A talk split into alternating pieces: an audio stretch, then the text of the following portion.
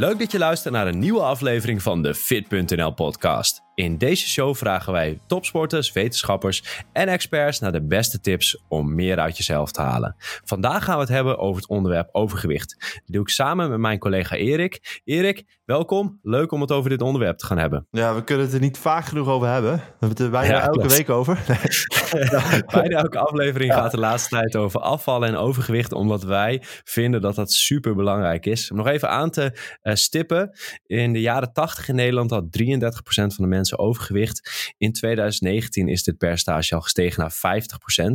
Om je een idee eh, te geven, in Amerika heeft ehm 30% van de mensen een hoger BMI eh, dan eh 30. Dus dat betekent dat het echt flink omhoog gaat. Ik zie zelfs cijfer 35% staan.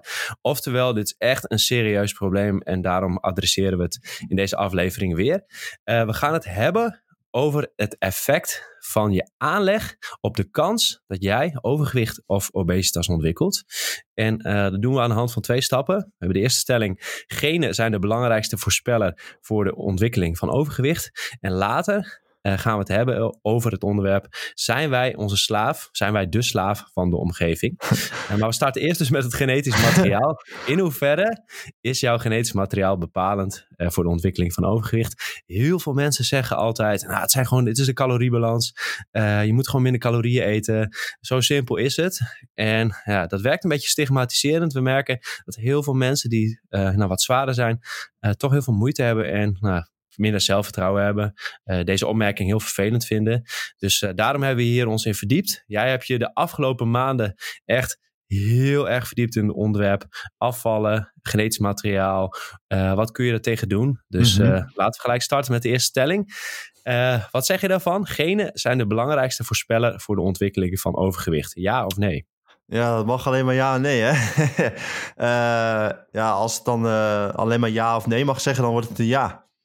Ja, nou, Ja, en mag laten we dan gelijk maar met de deur in huis vallen. Ja, je mag, hem, mag hem zeker gaan nuanceren. ja, precies. Eh, ik weet het cijfer al, maar in hoeverre is de schatting vanuit wetenschappelijk onderzoek, in hoeverre is de schatting dat genen bepalend zijn voor de ontwikkeling van overgewicht? Ja, heel hoog. Tussen de 40 en de 90 procent. En misschien moeten we dat nog even verduidelijken. Maar je moet- kan zo zeggen, als het 100 procent is, dan zou ge- genen alles verklaren. Nou, dat kan natuurlijk niet. Maar tussen de 40 en de 90 procent is echt heel hoog. Ja, Ja. Dat, is Ja. wel eh, dat is boeiend. ja. En eh, nou, we, we hebben al vaker over dit onderwerp eh, gesproken. En de omgeving is dus heel erg bepalend. En het onderwerp restrictive environment is iets wat jij wil aanduiden en wat daarvoor belangrijk is. Kun je dat toelichten? Ja, het klinkt heel ingewikkeld, maar het komt er eigenlijk op neer dat stel we zouden ja, met z'n allen op een onbewoond eiland gaan leven waar bijna niks te eten is, dan zouden nou, bijna iedereen zou eh, een veel lager gewicht hebben, Eh, een gezondere gewicht. Eh, maar je ziet dat de verschillen tussen genen, die komen veel meer in uiting in een, in een omgeving waar veel meer verleidingen zijn. een overvloed is aan lekker eten, ultra-processed food, dus eten wat je makkelijk naar binnen schuift en een beperking is aan gezonde eten, uh, dan zie je dat veel grote verschillen is. Je, je noemde het al, bijvoorbeeld in uh, de Verenigde Staten hebben zelfs 70% van de mensen een BMI hoger dan 25, oftewel overgewicht. En een derde deel heeft zelfs obesitas. Als je dat vergelijkt met Nederland, wij zitten ongeveer op 50%. Dus het is een gigantisch verschil. En uh, ja, nou ja, ik maar weet de, niet. maar de, schatting is, de schatting is dat wij ook wel die kant misschien opgaan. Dat we in Ja. Nederland, ook- want we, ik heb de prognose gezien in Nederland. Die cijfers gaan ook flink stijgen. Dan weet ik dat ook heel veel personal trainers en diëtisten naar deze podcast luisteren. En ook zoekende zijn naar oplossingen om, om daar wat aan te doen. Omdat ja, dit is echt een hele grote uitdaging. ja. Vandaar ook onze motivatie dus om, om hier weer een podcast over op te nemen. Ja. Omdat dit gewoon maatschappelijk relevant is. Eh, omdat wij ja, dit ook heel lastig vinden. Eh, even omdat dat restrictive environment is, dat begrip om nog misschien iets duidelijker te maken. Eh, stel je voor, je, wat, een mooi voorbeeld wat jij ook geeft in een artikel, is dat je zegt, eh, als mensen op een, eh, een- op een eilandje komen waar alleen wat besjes hangen en misschien ergens wat groente kunt plukken of zo wat fruit, dan, is, dan heb je veel minder calorieën tot je beschikking en dan is er veel minder verleiding. ja. Ehm, en dan, is het, dan komen die genen, dat genetisch materiaal, wat je dus hebt, dat komt veel minder snel tot uiting om, dat die omgeving minder verleidelijk is. Nou, en als je in Nederland zit met alle McDonald's en, en, in, en in de supermarkt is allemaal calorierijk, calorierijk eten tot je beschikking, dan is het veel makkelijker om aan te komen. En dan, dan komt het genetische materiaal ook eerder tot uiting. Ja, dus dat, ja, ja precies. Dat, dat is nog wel even goed om dat uit te leggen. Want ik, toen ik dit paar jaar geleden hoorde, snapte ik niet helemaal. Wat bedoel je dan nou mee? Genetisch materiaal. Dus het niet dat genen direct invloed hebben, maar indirect. En er zijn een aantal theorieën voor. En daar kunnen we eigenlijk nu al mee starten. Uh, want genen hebben een invloed uh, waarschijnlijk. Hè? Dat zijn theorieën, die, modellen die nog ja, beperkt bewijs. Want ze weten het ook nog niet helemaal hoe het precies zit. Maar genen hebben invloed op je energiegebruik. De mate van uh, hoe actief je bent. En ze hebben ook uh, waarschijnlijk invloed op je eetlust. Je, en dan dus hoeveel honger je, je hebt hoe snel, en hoe snel je vol zit. Uh, die theorieën hebben vooral daar betrekking op. En er zijn ook theorieën die zeggen van... ja, sommige mensen hebben een lagere stofwisseling. Maar ja, dit zijn een beetje de modellen die, die laten zien waar genen dan invloed op hebben. Ja, en die gaan we straks verder uitgebreid bespreken. Ja. Wel even leuk om te zeggen, wat jij hoort, ik merk dat je heel erg de nadruk op energiegebruik legt en niet op energieverbruik. dit is, uh, dit, deze, heb jij, deze tip had je van Klaas Westertep, hè? Die, uh, die stipte dat een keer aan. Ja, een, uh, ja onze collega Jasper heeft dat mij ook nog een keer uitgelegd. Ik bedoel, was niet best in natuurkunde vroeger, maar die zei van ja, energie gaat nooit verloren. Toen dacht ik, oh ja, dat is waar ook. Dat ik laatst nog in een, ook nog in een film gezien, inderdaad. Dat, ja, dat is volgens mij de eerste wet van thermodynamica. Ja, precies. Dus ja, ja, ja, Dat is net zo. Ja, dat, dat ook toch weer een beetje die caloriebalans komt dan alsnog wel weer terug. Nou, even terug naar de stelling. Uh, je geeft aan dat genen zeker belangrijk zijn voor de kans voor de ontwikkeling van overgewicht. Uh, je hebt hier dus heel veel onderzoek naar gedaan. Uh, alle wetenschappelijke onderzoeken uitgeplozen. En er zijn een aantal modellen die ja, verklaren waarom er een kans is in jouw aanleg en het effect dan heb je overgewicht en obesitasontwikkeling. En de eerste theorie die je aangeeft is de Behavioral Suspectability Theory. hoe heet die in het Nederlands? En ja, wat, wat betekent dat precies? Ja, er is een theorie, uh, dat uh, was door een hoogleraar uh, ontwikkeld, Jane Wardle. En die is inmiddels al overleden. En dat heeft te maken met onze eetlust. en het heet in het Nederlands het gedragsgevoeligheidstheorie. Klinkt nog steeds ingewikkeld, vind ik. En daarin zijn er twee onderdelen. Satiety responsive en food responsiveness. Uh, de een gaat over hoe gevoelig je bent voor eetprikkels. Dus als je om je heen eten uh, ziet, kan je daar dan goed van afblijven. En de andere gaat over hoe vol zit je. Nou, dat blijkt dat als uh, mensen lager scoren op satiety responsiveness, dus minder snel vol zitten, nou, die kunnen dan elke maaltijd net wat meer eten. en als ze dan ook nog eens gevoeliger zijn voor eetprikkels, ja, dan is het risico dat je meer eet is natuurlijk groter. En daardoor ja, heb je hoger risico op overgewicht. Uh, nou, dit heeft dus vooral betrekking op de eetlust. En wat hier ook nog op aansluit, wat uh, hoogleraar Sander Kersen ooit heeft uitgelegd ook, uh, dat er ook nog, wat ook terugkomt in de literatuur, we hebben ook nog een bepaalde gen, een FTO-gen. En als je daar een ongunstige variant van hebt, ja, dan is het, zie je ook over het spectrum dat mensen dan ongeveer ook meestal 1 à 2 kilo meer overgewicht hebben. Of 1 1 à 2 kilo zwaarder wegen. Hmm. Dus er zijn echt wel uh, verklarende factoren. Ja, maar mensen niet, deze niet theorie zien. wordt wel bekritiseerd. Er is uh, vooral is niet echt een longitudinaal onderzoek naar gedaan. Dat is ook wel lastig om mensen heel lang te volgen. Dus hoe dit precies zit, uh, wat de haken en de ogen aan zijn, er moet echt nog meer onderzoek naar gedaan worden. Ja, maar dat is het hele veld van, uh, van afval en overgewicht en, uh, ja. en het genetisch materiaal. Er is, het, is, het is nog allemaal heel erg uh, twijfelachtig, maar ja. mensen krijgen wel steeds meer, iets meer grip op. En er komt ook meer, steeds meer aandacht voor, dus dat is positief. Ja, Even dat over dat eetprikkels en de gevoeligheid voor je omgeving. Mm -hmm. Maar de gevoeligheid voor allerlei prikkels die er zijn en of je dan gaat eten. Dus stel je voor, je zet de ene, zet je in de McDonald's. Die heeft veel eerder het gevoel van, oh, ik moet heel veel van die dingen gaan eten. Van die hamburgers en patatjes. Terwijl de ander die er misschien minder gevoelig voor is. Dat is, dat is het idee. Uh, ja, ja, alleen uh, dat, is dus, dat sluit dus aan op deze theorie. Maar ja, wat ik ook, uh, wat ook Anne Roes zei, is ook een andere hoogleraar die wij hebben geïnterviewd, zei van, ze weten het niet precies. Dat is dus het hele, het is heel lastig. Je, is niet eenduidig, gaat geen eenduidige richting op. Daar komen we later ook nog op terug. Mm -hmm. Waarom, hoe het dan precies zit met die eetprikkels. En de gevoeligheid daarvoor. Ehm, en wat hier ook nog op uit, aansluit op deze het factor eetlust. er is ook nog een aanvulling hierop. Dit is wel een extreme variant. er zijn ook nog een bepaalde groep mensen die hebben een zogenaamde leptine-deficiëntie. En daardoor hebben ze, raken ze helemaal niet snel vol. En die, hebben echt, die kunnen echt heel veel eten. En dan maakt het natuurlijk nog veel lastiger om op een gezond gewicht te blijven. Dan sta je 3-0 achter als het ware. Uh, nou, dat is dus een theorie die je aan hebt gegeven zo net. Uh, dan is er nog een verklaring. Die heb je ook in een artikel uh, geschreven. Dat is misschien ook leuk om visueel te bekijken. Staat even in de show notes voor de luisteraar. De Spent Drift Theory. kun je die toelichten? Want dat verklaart misschien ook wel een beetje. Ja, er zijn heel veel uh, interessante experimenten gedaan. waarbij ze mensen in een calorietekort of in een calorieoverschot zetten. Ze hebben hele handige methodes waarbij je ook kan zien van wat, wat de energiegebruik is. Uh, en daarvoor kunnen ze dus controleren. Dus als iemand iets meer beweegt, kreeg, hij iets meer te eten. Uh, want ze wilden dat iedereen bijvoorbeeld 1000 calorieën overschot had. En dan blijkt dat sommige mensen die slaan veel makkelijker vet op dan anderen. Uh, en wat ook nog heel interessant is, het blijkt nou als je, als je namelijk meer eet, gaat je energiegebruik iets meer omhoog.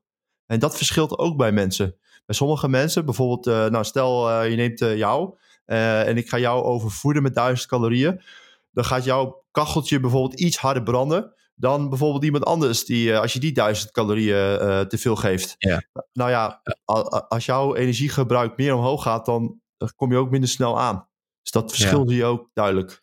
Ja. ja, dat is eigenlijk als het ware je lichaam, bijvoorbeeld als je een lichaam heel uh, nou, efficiënt ermee omgaat, ja. dan gaat het, als je mij extra calorieën geeft, ga ik ook meer bewegen uh, en compenseer ik daar als het ware voor.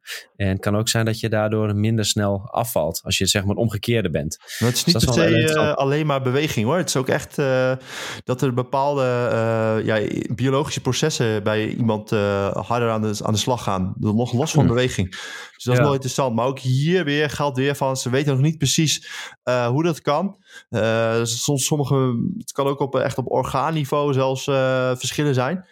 Uh, dat heeft ook wel met spiermassa te maken. maar ehm, ja, hoe dat precies zit, weten ze ook nog niet. Maar wat, wel zo, wat ze wel hebben gezien is dus dat echt de een gaat die verbrandingsmotor harder werken. Het geldt ook trouwens als je gaat afvallen. Sommige gaat die verbranding meer omlaag dan bij de ander. Nou, dan kan je ook wel nagaan dat het afvallen ook moeilijker is voor ja. dus mensen. Ja. ja. Dus het geeft ook een beetje eh, een soort van houvast voor mensen die zeggen dat ze een slow gainer of een snelle gainer zijn. Dus misschien is, is daar nog wel enige, valt er nog wel enige grond voor te maken. Dus, uh, en ook maar hier is ook weer kritiek op deze theorie. Uh, dit staat ook visueel weergegeven, dus in de show notes, het artikel als je dat door wil lezen, echt een aanrader. Een ander punt wat, wat hierop aansluit is niet non-exercise thermogenesis. Mm En dat is wel een boeiende, want die hebben een paar jaar geleden ontdekt. Stel je voor, uh, ik ga sporten. Ik heb een hele lange duurloop gedaan. Um, dat ik dan de rest van de dag veel minder actief ben. En dat, dan, wil dan, dan ga ik nog, loop ik wel nog ergens heen. Maar ik ben iets passiever. Dus uh, minder vaak ergens naartoe lopen. Uh, minder fidgeten. Dus dat is dan wat de onderzoekers aangeven. Dus minder kleine bewegingjes maken achter je bureau. Of als je op stoel zit. Uh, dat kan ook mogelijk een verklaring zijn. Dus voor misschien al 1 of 200 calorieën. Wat op lange termijn, als je het allemaal bij elkaar optelt. Ook de ontwikkeling van overgewicht nou ja, kan bespoedigen. Mm -hmm. Dus dat is wel aanvullend op die spend thrift theory. Dus ik denk dat er ook wel enig verband uh, ligt. Ja, ja, zeker. Ja, dat, uh, in, de, in de ene is misschien ook gewoon van nature ja, inactiever dan de ander.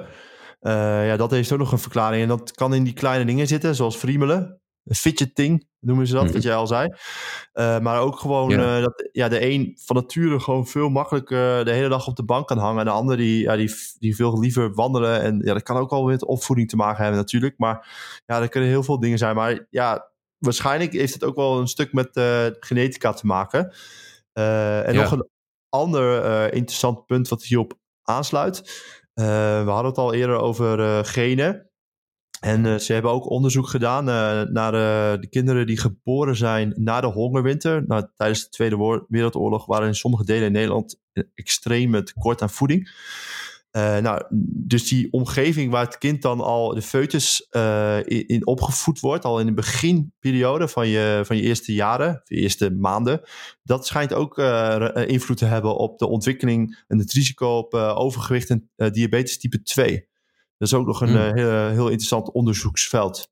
Ja, noemen ze de eigenlijk... epigenetica. Dat is een ingewikkeld woord, maar het lijkt erop dat bepaalde genen aan of uitgezet worden in bepaalde omgevingen.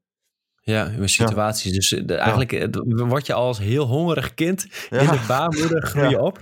En dan is de kans dat je nou, veel meer wil gaan eten in de rest van je leven groter. En dan worden die, zeg maar, die genetische schakeltjes die worden dan uh, omgezet. Mhm. Toevallig paar, uh, nou vorige maand hier nog met mijn opa over gehad.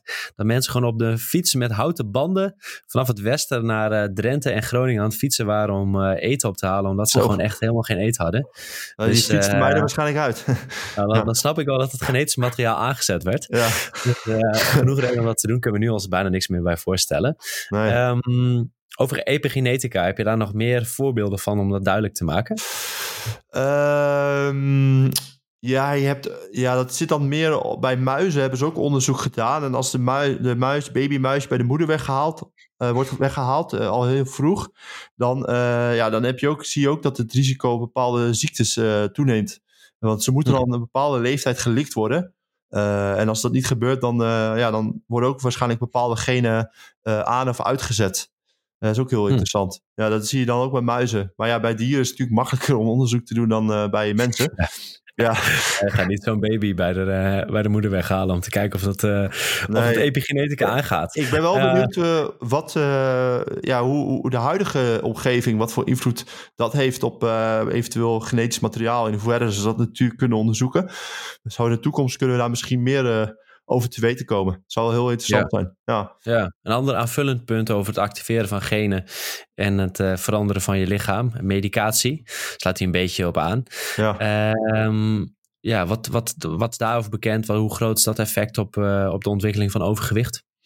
Ja, er zijn ook bepaalde medicatie die uh, je stofwisseling echt kunnen vertragen. Dus uh, daardoor ook een risico. Dus ik heb wel eens gelezen van dat ze denken waarom het een van de redenen waarom in Amerika zo hoog een aantal mensen met overgewicht, dat medicatie, want heel veel mensen slikken daar ook allerlei medicatie, dat dat ook een risicofactor is voor, eh, voor over, overgewicht. Dus ja. Uh, ja, dat speelt ook zeker een rol. Ja, ja dingen als uh, antidepressiva. Uh, ja. Dus dat sowieso om even te kijken bij bijsluiten. Dat, dat hoor je, daar lees je bijna nooit wat over. Dus echt ook wel een thema van, ja, waar we ook een keer iemand echt over kunnen interviewen. Dat is heel interessant. Ja. Ja, absoluut. Ja. Um, hebben ook nog een puntje stofwisseling stoornissen. Uh, eh, PCOS, PCOS bijvoorbeeld. Uh, Ook nog wel een kans van 1 tot 5 procent in uh, de ontwikkeling van overgewicht, wat effect erop heeft. Ja, en dan het laatste punt. Um, wat je ook ziet als mensen dus bijvoorbeeld heel veel zijn afgevallen. Is natuurlijk ook weer het risico om weer aan te komen. En je ziet ook van mensen die bijvoorbeeld zijn, zijn wezen diëten, dat ze vaak daarna even zwaar worden of nog zwaarder dan ze voorheen waren. en ja, daar zijn ook weer theorieën voor. Uh, en een van die redenen kan natuurlijk ook psychologisch zijn, maar ook wel van dat het lichaam die uh, een soort van opgerekt wordt. Een soort van op celniveau zie je dat zelfs. Dat, ja. dat het lichaam schreeuwt om, ja, die wil weer terug naar het oude gewicht. Ja, een soort van vetcelstress. Dus je, dat, tenminste, dat is die theorie die zo heet. Je cellen die schreeuwen van hey, ik wil, wil die energie weer. Het oude gewicht, dat was mijn uh, oude, normaal, oude normaal. Ik wil dit nieuwe normaal niet. En uh, kom maar weer terug met die calorieën. Ja, dus maar het is ook... Uh, het is ook een ehm, in Amerika uh, heb je een heel uh, onderzoeksinstituut. Die heeft ook, uh, is ook anekdotisch heel veel verhalen daar. Er staan daar ook onder andere van mensen die dan heel veel zijn afgevallen. Meer dan 30 kilo. Maar die blijven hun hele leven struggelen om dat gewicht te behouden. Daar moeten ze echt heel erg opletten. Omdat het lichaam, ja, dat duurt soms ook gewoon die aanpassing. En sommige mensen hebben misschien dan ook wel, wel al die eerdere theorieën die we hebben benoemd. Die zijn dan ook meer vatbaar voor deze omgeving. Nou, in Amerika helemaal. Dus ja, er zijn dus heel veel factoren nu al. En als je dan heel veel niet in het groen hebt staan, ja, dan wordt het heel lastig.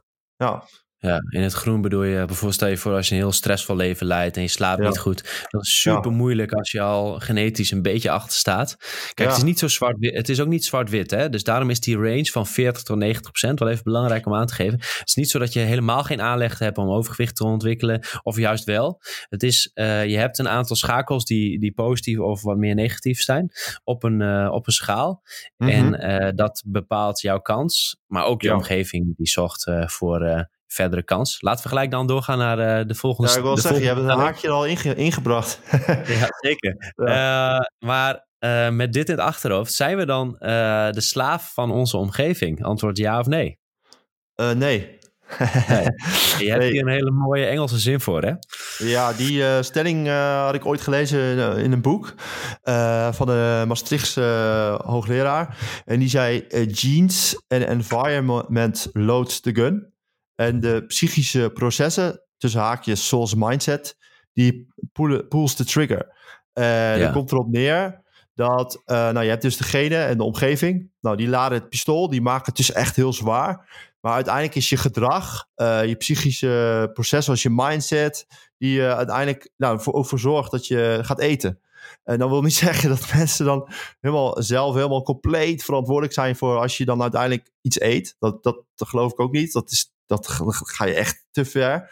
Maar gelukkig uh, heb je nog wel eh, een bepaalde vrije wil en een bepaalde keuze die je kunt maken, waardoor je je eetgedrag uh, meer onder controle kunt krijgen. Dat wil niet zeggen dat iedereen uh, 20 kilo kan afvallen, maar wel in ieder geval je eetgedrag meer onder controle kan krijgen. Daar geloof ik zeker in. Ja. Ja, ja, ik voel een beetje een analogie aankomen van Trump, die de mensen richting het kapitool aan het jagen was. van ja, ga erheen.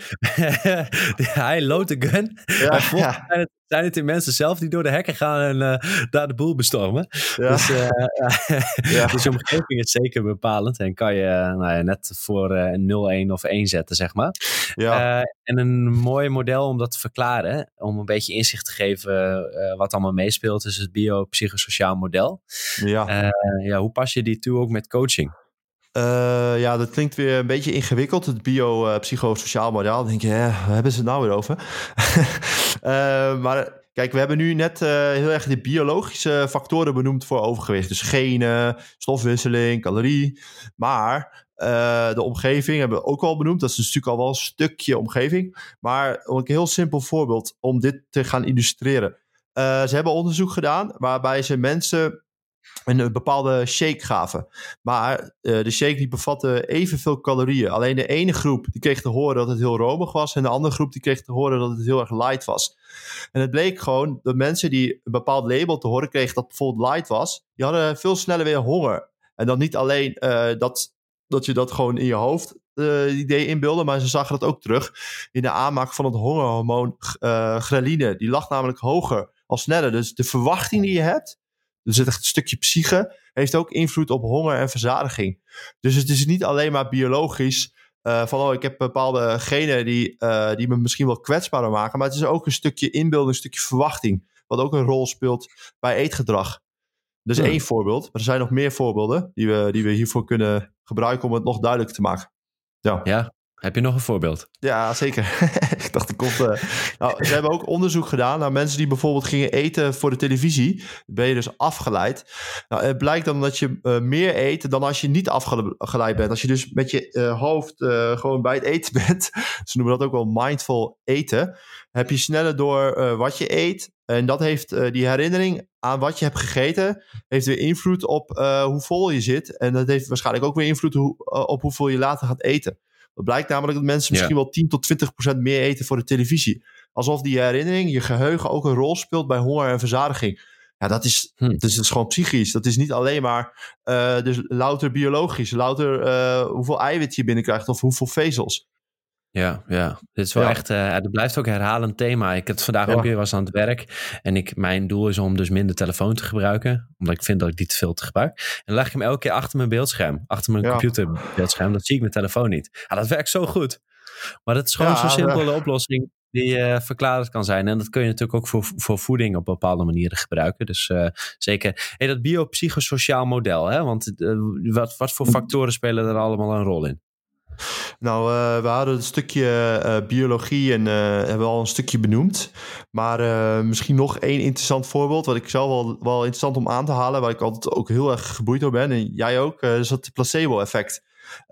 bijvoorbeeld dat je iemand een neppil geeft, maar iemand herstelt toch sneller. Alleen al door het idee, het vertrouwen in, in het hele proces, dat het ook weer invloed heeft op op het genezingsproces. Terwijl vroeger dacht men van ja, ziektes is vooral biologisch. Of moet je vooral helpen met medicatie. Natuurlijk, in bepaalde gevallen uh, heb je echt een werkzame stof nodig. Maar uh, het kan ook al al zijn door de inbeelding, door de psyche. waardoor je sneller kan genezen. Niet in alle gevallen. Maar ja, als we dan terug gaan kijken. Bijvoorbeeld nou in, op het gebied van eetgedrag stress en slaapgebrek speelt bijvoorbeeld ook een, een belangrijke rol bij een groot deel van de mensen in hoe hongerig je wordt. Dus als je, als je meer stress hebt, kan het je ook uh, dat je meer trek krijgt in lekker eten, uh, waardoor je makkelijker kunt overeten. Dat heeft er ook nog niet alleen maar zozeer met je biologie te maken. Hm. Slaapgebrek, als je niet goed slaapt, kan het je ook hongerig maken. Ja, wat ik ook al net al zei. En als je die punten daar geen rekening mee houdt, maar er zijn wel punten waar je ook gewoon invloed op kan uitoefenen. Dus ja, dat is super belangrijk, om, waar je dus ook weer meer grip kunt krijgen op je eetgedrag. Ja. Ja, ik weet zelf, ik heb onderzoek naar slaap gedaan. Ja. Echt alle onderzoeken zitten bij elkaar zitten. Ben ik bij elkaar gezocht en, en gekeken wat de invloed was van slaap ook op, uh, op de uh, aanmaak van spiermassa. Ook uh, in hoeverre je lean body overblijft, zeg maar lean body mass. Dus in hoeverre je afslankt. Mm -hmm. En mensen die sleep restricted zijn, minder goed slapen, die vinden daar is veel lastiger voor om ook eh, spiermassa op te bouwen. En ook uh, de hoeveelheid vetmassa is gewoon hoger als je slecht slaapt. Dus dat is echt wel een, een relatie. En ja. ik zie het zelf ook om persoonlijk anekdotisch bewijs. Als ik heel gestrest ben, dan eet ik toch eerder ongezond. Want dan denk ik, oh, ik beloon mezelf. En dan zijn die uh, prikkels zijn toch een stukje gevoeliger. En dan, uh, ja, dan, dan hou ik me minder snel aan mijn gewoontes. Dus ja. dat is zeker een belangrijk onderdeel van, van... En dat is ook waar wij met coaching op letten kan mensen wel heel veel goede voedingstips geven. Maar als iemand heel gestrest is, dan is hij eigenlijk helemaal vaak helemaal nog niet bereid. Of kan hij eigenlijk helemaal nog niet veranderen. Kan hij lastig gezonde gewoontes aanpassen. Dus dan is het goed om daarmee te starten. Ja, dat punt uh, wat je nu net aankaart over stress, dat zie ik ook terug uh, in wetenschappelijk uh, onderzoek en in de mensen die ik coach. Nou, er is bijvoorbeeld een interessant experiment gedaan. We, hadden een onderzoek gedaan naar mensen met een een sterke of een hardnekkige of een, uh, gewoon een zwakke gewoonte om uh, frisdrank te drinken. Dan denk je, oké, uh, waar gaat dit heen? Nou, de mensen die een hardnekkige gewoonte hadden om frisdrank te drinken, die kregen te horen van de onderzoeksleider, ja, suiker is slecht, dat moet je niet drinken. Nou, dus ze hadden een goed voornemen, oké, ik, ga kiezen wel voor water. En dat lukte ook, want ze kregen een opdracht en ze gingen kozen voor water. De volgende opdracht uh, werden ze afgeleid en kregen ze een, een, een stressvolle taak. En wat bleek, een gros van de mensen die een hardnekkige gewoonte had om frisdrank te uh, drinken, viel gewoon weer terug in die oude gewoonte. En wat blijkt dan? Dat als je bijvoorbeeld stress hebt, dan heb je gewoon een beperkte cognitieve bandbreedte, je prefrontale cortex, waarmee je beslissingen moet maken, die werkt gewoon veel minder goed. En dan zie je ook dat uh, de activiteit in de hersen, hersenen, waar gewoontes, uh, gewoontegedrag wordt gereguleerd, dat zie je veel meer oplichten. Ook in de fMRI-scans ja, het is gewoon ook gewoon, dus op die manier wordt het wel echt op een bepaalde manier aangetoond dat stress een uh, risicofactor is om terug te vallen in oude gewoontes. Nou, dat zie ik dus ook, ook in de praktijk terug bij de mensen die ik coach. Uh, vaak zie je als, als, uh, als ze in stressvolle situaties komen, dat ze vaak ook weer hunkeren naar lekkernijen of eerder terugvallen in oude gewoontes. Ja, dat zie je dus zowel in onderzoek als in de praktijk. Ja, ook bij onszelf als coaches. Dus uh, dat ja, moet ja, gewoon heel eerlijk zijn dat iedereen dat heeft. Wij zijn vandaag niet, weer te veel uh, mobiel, uh, iets te slecht geslapen. Want ze hier heel vroeg al begonnen met werkzaamheden. Dus ja, ik zie het zelf ook terug. Ja, ja focus. Ja, dat is belangrijk. En een ander punt uh, uit dat biopsychosociaal model, wat je daaronder zou kunnen vatten, wat eronder zou kunnen passen, is het uh, armoede. En dat gaat ook een beetje samen met stress, met cognitieve bandbreedte. Misschien is dat nog wel even goed om toe te lichten, cognitieve bandbreedte. In hoeverre jij de ruimte hebt uh, om te veranderen. Want als jij heel druk bent in je hoofd en je hebt allerlei dingen waar je aan moet denken, kan bijvoorbeeld als je druk maakt om geld, als je hele drukke familie hebt, allemaal taken hebt die je moet doen druk hebt op je werk, dan heb je gewoon niet zoveel ruimte om te veranderen. En dat merken wij ook. En mensen die gewoon alle tijd hebben, een beetje op vakantie zijn, bewijs van, die hebben veel meer tijd om met gezonde voeding bezig te zijn, om bezig te zijn met hun gewoontes. Ehm, dus ook voor dit geval armoede, blijkt ook uit onderzoek. Er is echt een relatie tussen mensen die een beetje in geldnood zitten en het ontwikkelen van overgewicht en obesitas. Dat klopt toch? Ja, ja, oh ja, dat hebben ze ook. Uh, daar heb ik ook nog een boek over gelezen. En uh, die Rutger Brechtman, uh, dat is een correspondent voor de, Hij schrijft voor de correspondent en hij heeft veel boeken geschreven.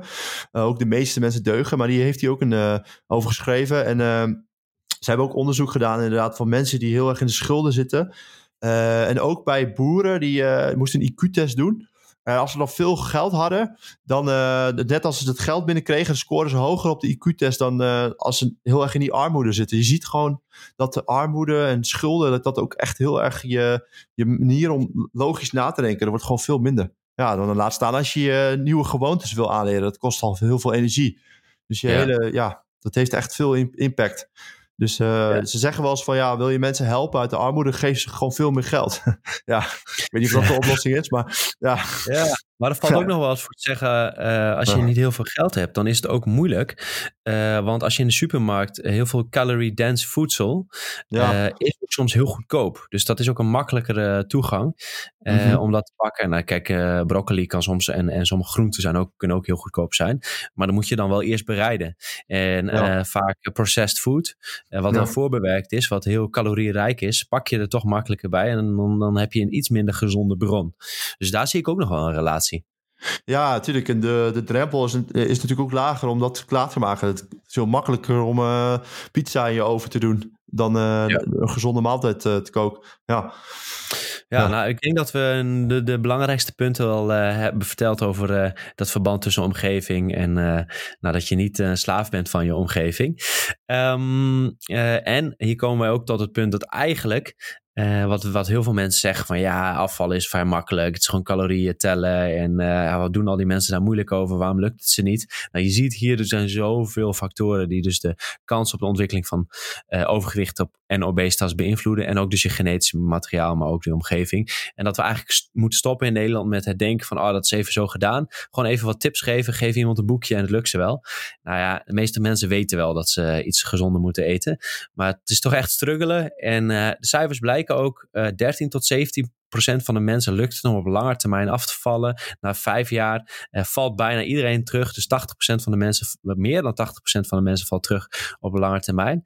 Dus daar moet veel meer onderzoek uh, naar uh, gebeuren, maar ook veel meer begrip voor door mensen van de uit de omgeving, zodat we elkaar kunnen helpen om af te vallen en Nederland wat gezonder te maken. Dus dat ja. is een van onze missies met fit.nl. Dus dit even mijn promo-praatje om, uh, om hier dit onderwerp beter te adresseren. Ehm, ja, even voor de luisteraar. Uh, vind je dit interessant, maar vind je het ook uh, belangrijk om dit te delen? Zouden wij het heel tof vinden als je deze podcast-aflevering deelt via social media en uh, FitNL tagt en aangeeft wat je hieruit hebt gehad. Want dan kunnen wij nog meer mensen helpen en deze, ja, dit verhaal en het belang hiervan verder delen. Dus dat even hierover, een stukje promo van de podcast en de maatschappelijke relevantie. Erik, heb jij nog hier nog wat over te zeggen? Uh, ja, uh, nog één, wel een, een, leuke aanvulling, of leuk, interessante aanvulling hierop van onderzoek van, over motivatie. Hè? Want wij hebben nu heet over gewichtsverlies, gewichtsverlies, gewichtsverlies.